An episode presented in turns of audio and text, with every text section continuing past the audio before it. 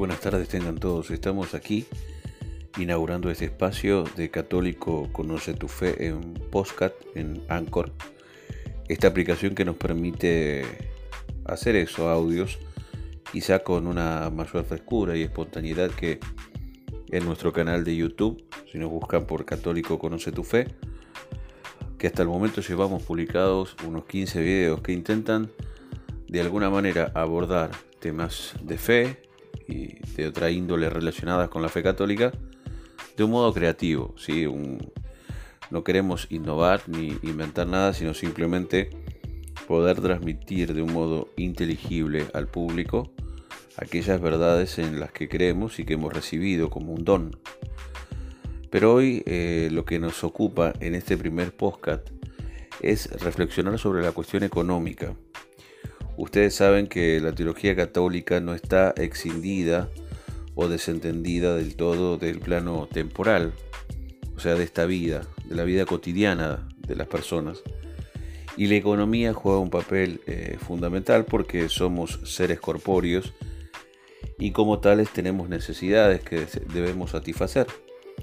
La economía trata entonces sobre esas cuestiones, ¿no? sobre los bienes y servicios, la producción, la distribución, y el comercio, el intercambio entre esos bienes de la economía.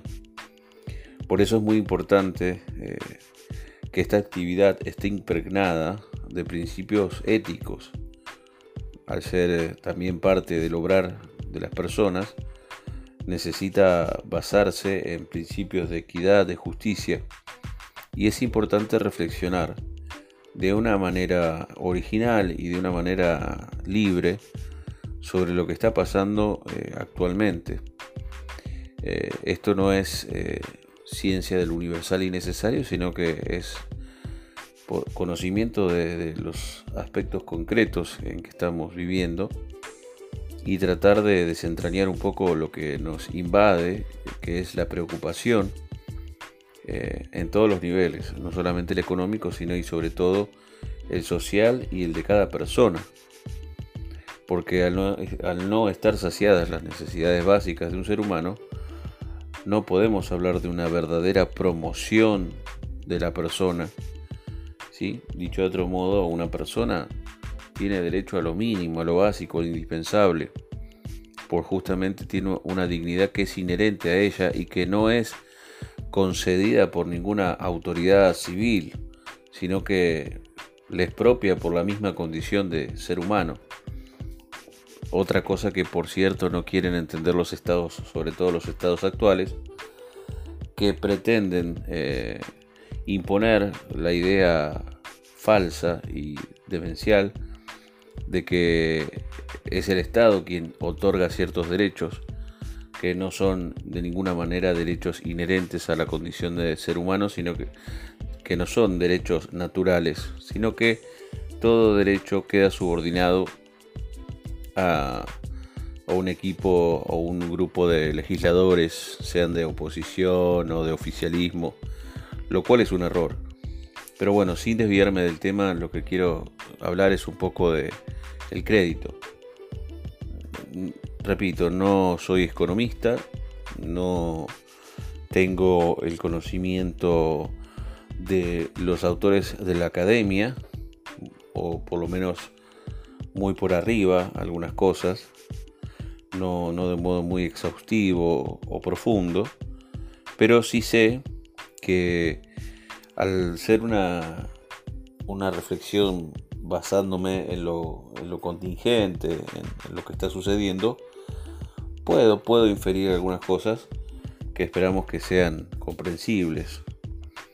Primero que nada, el sistema actual es esencialmente a nivel global, estoy hablando, es lo que yo puedo ver, es esencialmente financiero. ¿Qué quiere decir?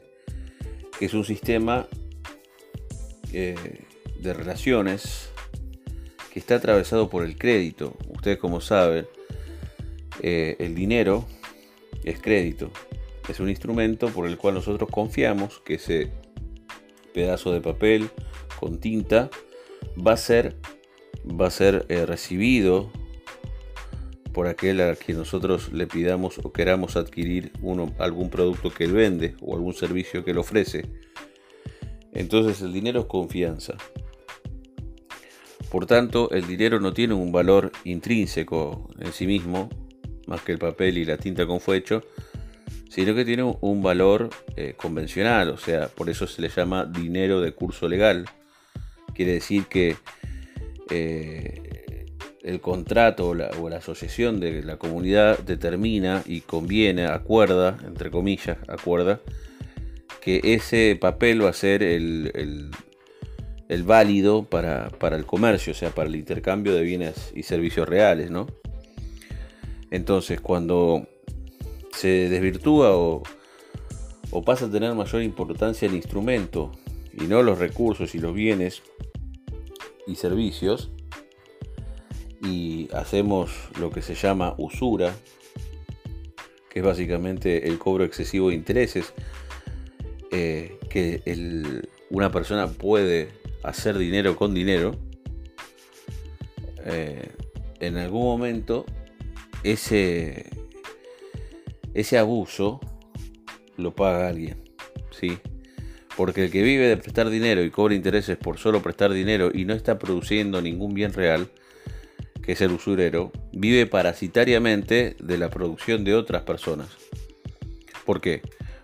Porque si una persona pide un crédito al banco, o sea, el usurero, aunque está discutible si es discutible si todo crédito es usura, no vamos a entrar en ese berenjenal ahora, pero si un trabajador, pongámosle así, no porque tengamos una visión marxista, ni mucho menos, al contrario, pide un préstamo y a ese préstamo se le cobra un interés, o sea, pido 10 y debo devolver 12, yo para pagar esos 10 y esos 12 tengo que producir bienes reales, porque el modo de adquirir esos billetes no es imprimiéndolos como hace el Banco Central o como hace eh, los bancos que le pide que impriman papel al Banco Central, sino yo lo tengo que hacer trabajando. Mi modo de hacer ingresar esos billetes es produciendo bienes reales o ofreciendo servicios. Eso es esfuerzo, es tiempo de mi vida y ese bien lo termina usando el que más billetes va adquiriendo. Se produce aquí un desequilibrio y una injusticia, pero para que el crédito funcione, tiene que haber todo un sistema político y social que provoque o genere que haya sueldos bajos. Muy sencillo. Si una persona, o si los, los trabajadores, o los, mejor dicho, más propiamente los asalariados, ganan bien, o sea, ganan muy bien, o justamente en proporción a lo que producen, van a tener el poder de adquirir esos bienes o servicios sin necesidad de recurrir al préstamo. Eh, por ejemplo, pongo un ejemplo para que se entienda. En Europa, hace algunos años, mostró un periodista argentino que vivió mucho tiempo allá que dijo ¿no? que allá en Europa cuando se les dice que acá en Argentina se compran eh, las zapatillas en cuotas, no le creían. O sea, les parecía algo inconcebible. Bueno, a veces hace falta ver otras realidades para darse cuenta de, lo, ilógico, de lo insólito que resulta esta organización en base al crédito y en base a la usura. Entonces es muy importante tener presente que la economía como tal es la producción real de bienes o la prestación de servicios reales y que el dinero es un instrumento. En la medida que nosotros, la población, tenga clarísima distinción de qué papel juega eh, el dinero y, qué papel, qué rol cumple el trabajo humano y, los bienes y servicios que produce el trabajo humano, vamos a generar por sí mismo eh, mecanismos de resistencia a cualquier sistema o régimen que intente que intente vulnerar, perdón, vulnerar nuestros derechos. Entonces, lo importante que tenemos que tener también presente es que la verdadera riqueza la genera el trabajo. O sea, en la generación, o sea, el recurso natural mediante la producción, la transformación de ese recurso en manufactura, eh, eso es la riqueza. ¿Sí? Es el valor de aquellos bienes que satisfacen nuestras necesidades y mejoran realmente nuestra calidad de vida. No solamente satisfacen necesidades básicas, sino que mejoran nuestra condición de vida. Entonces la verdadera, generación de, riqueza es el trabajo, no el dinero. Repito, el dinero es un instrumento de intercambio, pero no tiene, es no tiene un valor intrínseco. Por tanto, debemos darle al dinero el lugar que se merece y no deberíamos permitir, ni ninguna legislación, ni ningún Estado debería permitir la usura o un sistema productivo, económico, al servicio de la usura, de préstamo de dinero y cobro excesivo de intereses. Deberíamos darle eh, a la persona que trabaja una retribución justa, reconociendo y aceptando que quien verdaderamente genera riqueza es el que trabaja. Eh, eso se llama justicia, que es una virtud moral que dice que es el ejercicio constante de dar a cada uno según su mérito. Por tanto, todas estas cuestiones que estoy tirando así espontáneamente, no las, no las estoy leyendo a ningún lado, eh, pueden ser refutadas, pueden ser cuestionadas y son totalmente cuestionables, discutibles, objetables, pero también sé que no sin un contraargumento válido, respaldado en sólidas evidencias y argumentos. Así que bueno, hasta acá son casi 12 minutos. Pero nada, queríamos dejar en claro que eh, nosotros como católicos no nos desentendemos de los problemas concretos de la, de la vida, de nuestra vida, y que todo está relacionado. Así como hay una relación en el orden de la realidad, también hay una relación en el orden de las ideas en conexión con, verdades de fe. Eh, así que es muy importante también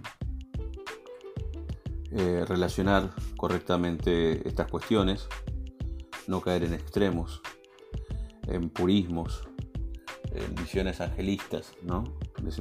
todo aquel que habla de estos temas es, marxista o, o, es materialista, no, no, no.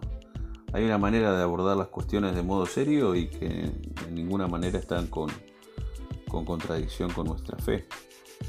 Es cierto que nosotros creemos en la vida después de la vida, en la vida eterna, que es nuestro fin último sobrenatural, pero eso no quita que sepamos que estamos ahora en esta vida que las cuestiones eh, temporales, así se les llama en la iglesia, no sean o no tengan importancia. Son muy importantes y están de alguna manera muy relacionadas o en conexión con, con esas verdades eh, sobrenaturales. Pero bueno, hasta acá era lo que quería decir. Y como les digo siempre, hasta otra vez.